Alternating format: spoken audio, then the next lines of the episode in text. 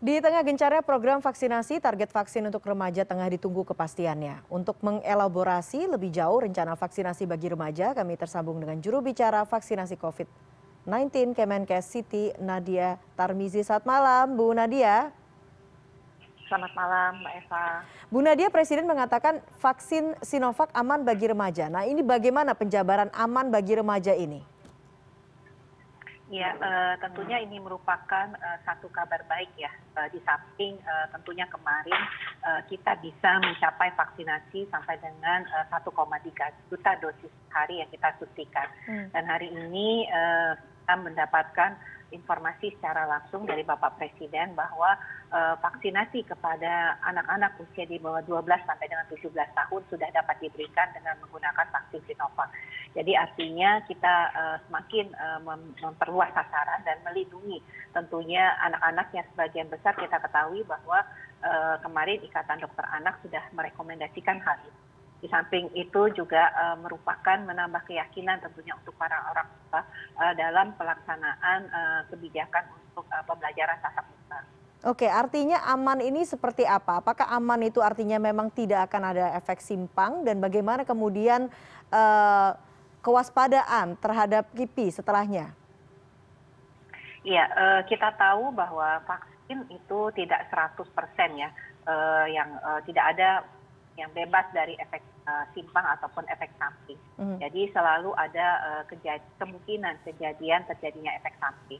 Tapi uh, tentunya setelah pengkajian yang dilakukan oleh Badan POM bersama ITAGI dan juga organisasi profesi bahwa kejadian efek samping ataupun efek simpang yang bisa terjadi pada pemberian vaksinasi kepada anak-anak khususnya di usia 12 sampai 17 tahun ini dikatakan manfaatnya masih jauh lebih besar daripada efek samping uh, yang timbul sehingga memang uh, berikan keputusan untuk bisa digunakan mekanisme emergency use authorization masih kepada usia 12 sampai 17 tahun ini untuk dilakukan vaksinasi. Nah, tentunya untuk antisipasi terjadinya efek samping atau kejadian ikutan pasca imunisasi, kita tahu bahwa kita sudah punya mekanismenya. Kipi, Komda Kipi uh, hmm. tentunya akan memantau. Nah, dalam pelaksanaannya ini sedang uh, melakukan persiapan-persiapan lebih lanjut, terutama tentang bagaimana penapisan ataupun screening kesehatan pada pemberian vaksinasi pada usia 12 sampai 17 tahun. Apakah ada perlu perbedaan khusus atau karena mengingat ini adalah usia remaja ya, -huh.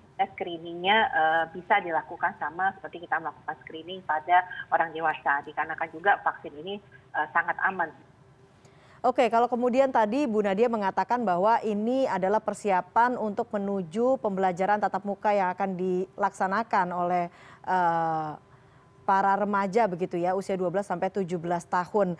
Artinya target pelaksanaan vaksinasi terhadap kaum remaja ini kapan ditargetkan akan segera dimulai dan kapan kemudian ini diharapkan akan selesai?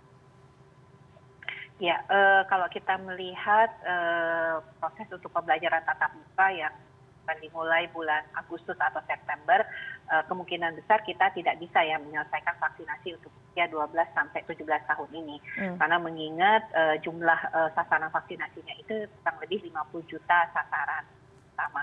Tapi artinya dengan kebijakan ini ini tentunya menambah ya keyakinan orang tua uh, untuk kemudian uh, proses pembelajaran tatap muka ini semakin uh, bisa untuk dilakukan. Jadi ini yang pertama.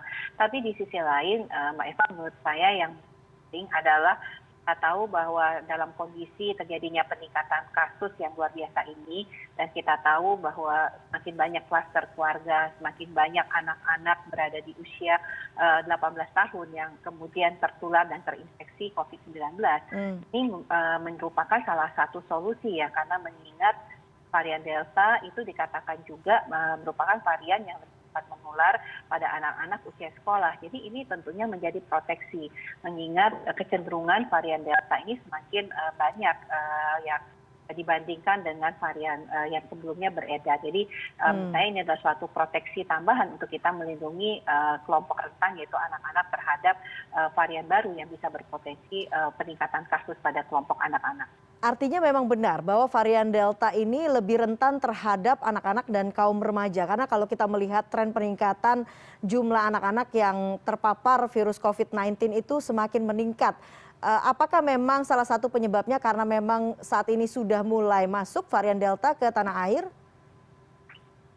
Iya, uh, yang pasti adalah uh, adanya varian Delta ini kan kita sudah temukan dari uh, 305 uh, varian yang kita sebagai varian of concern ataupun varian yang diwaspadai oleh WHO itu uh, angkanya uh, sebanyak uh, 245 adalah yang merupakan transmisi yang terjadi secara lokal. Artinya tidak ada uh, riwayat perjalanan atau uh, aku perjalanan dari luar negeri. Jadi ini tentunya uh, kita melihat bahwa uh, penyebaran daripada varian delta ini sudah ada di dalam masyarakat. Nah hmm. tentunya adanya varian delta ini menambah uh, eksponensial laju penularan yang terjadi saat ini.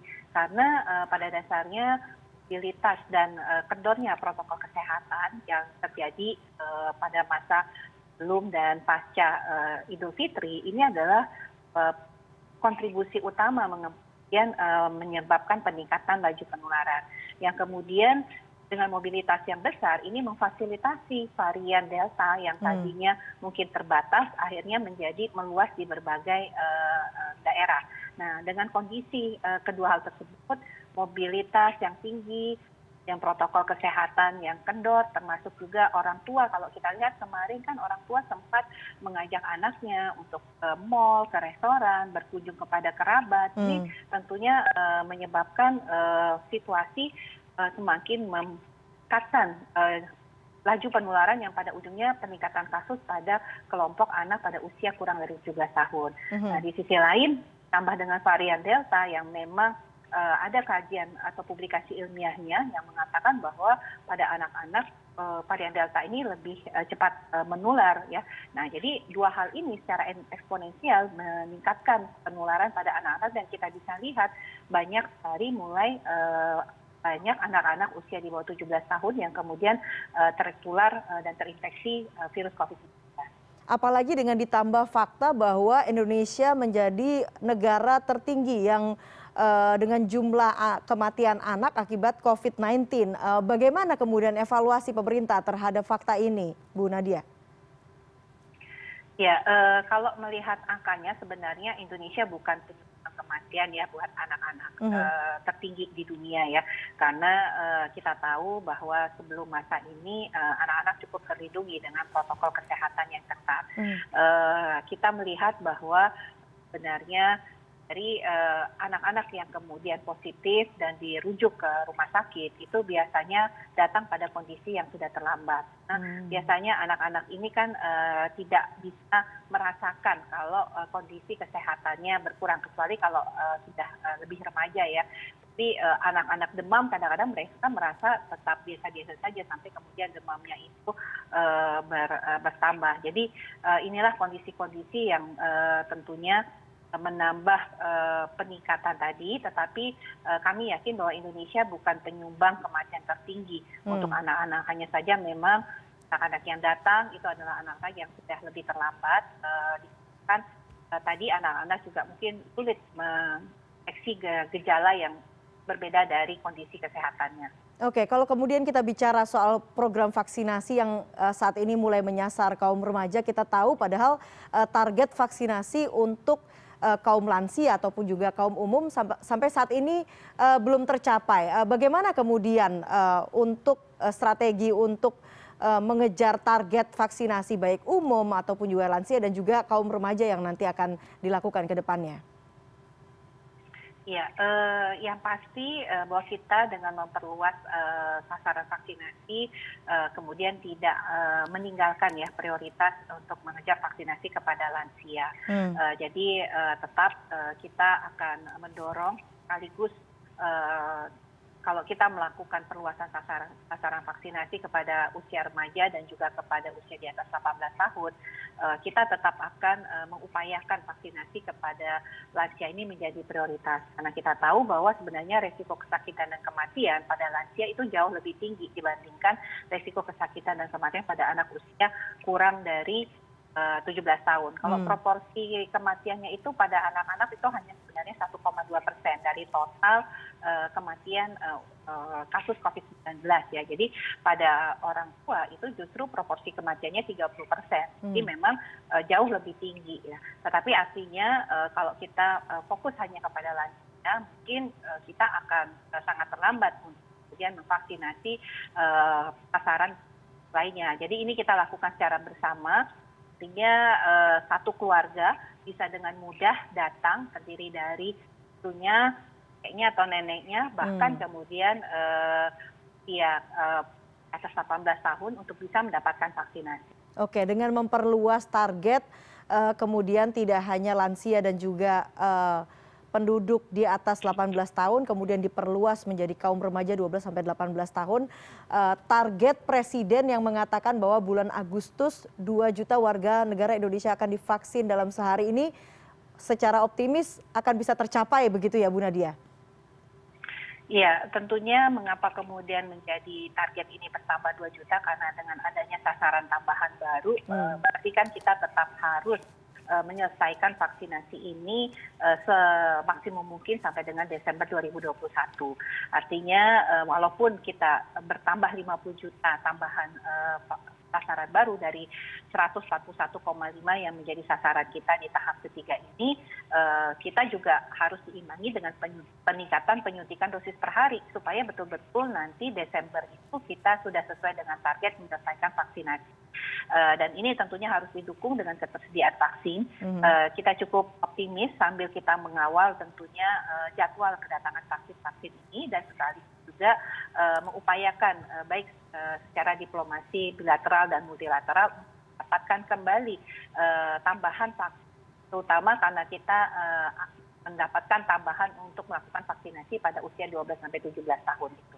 Oke, kalau kemudian uh, menyambung perlindungan yang optimal bagi masyarakat dan juga ketersediaan vaksin, ada dorongan dari ID soal vaksinasi ketiga, terutama bagi uh, nakes. Ini demi perlindungan yang optimal bagi para nakes. Apakah ini kemudian mungkin dilakukan Bu Nadia?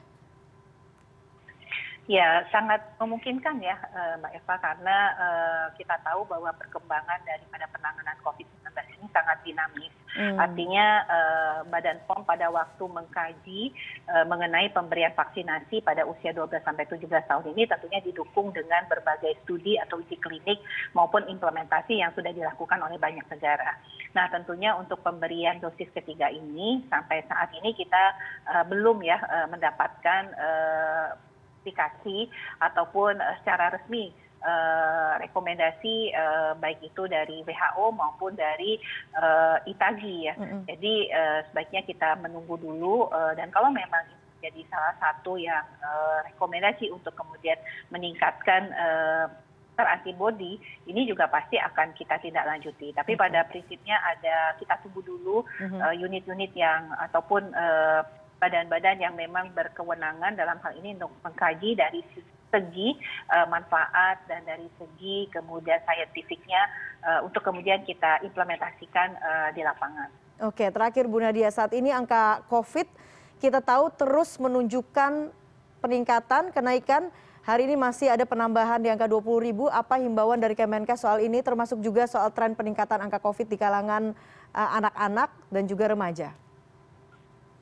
Iya, uh, kembali bahwa uh, kita harus bersama-sama pada situasi yang sulit ini untuk kemudian merem seluruh aktivitas kita, melakukan pembatasan kegiatan kita, betul-betul uh, kegiatan-kegiatan yang tidak perlu kita lakukan untuk mengurangi mobilitas itu diharapkan bisa diterapkan oleh masyarakat. -huh. Dan jangan lupa untuk tetap menerapkan protokol kesehatan, mendeteksi secara dini kalau kita memiliki uh, uh, terhadap kesehatan kita. Karena kita dengan mendeteksi ini tentunya kita diharapkan uh, tidak akan jatuh pada gejala yang berat. Dan terakhir mhm. tentunya vaksinasi.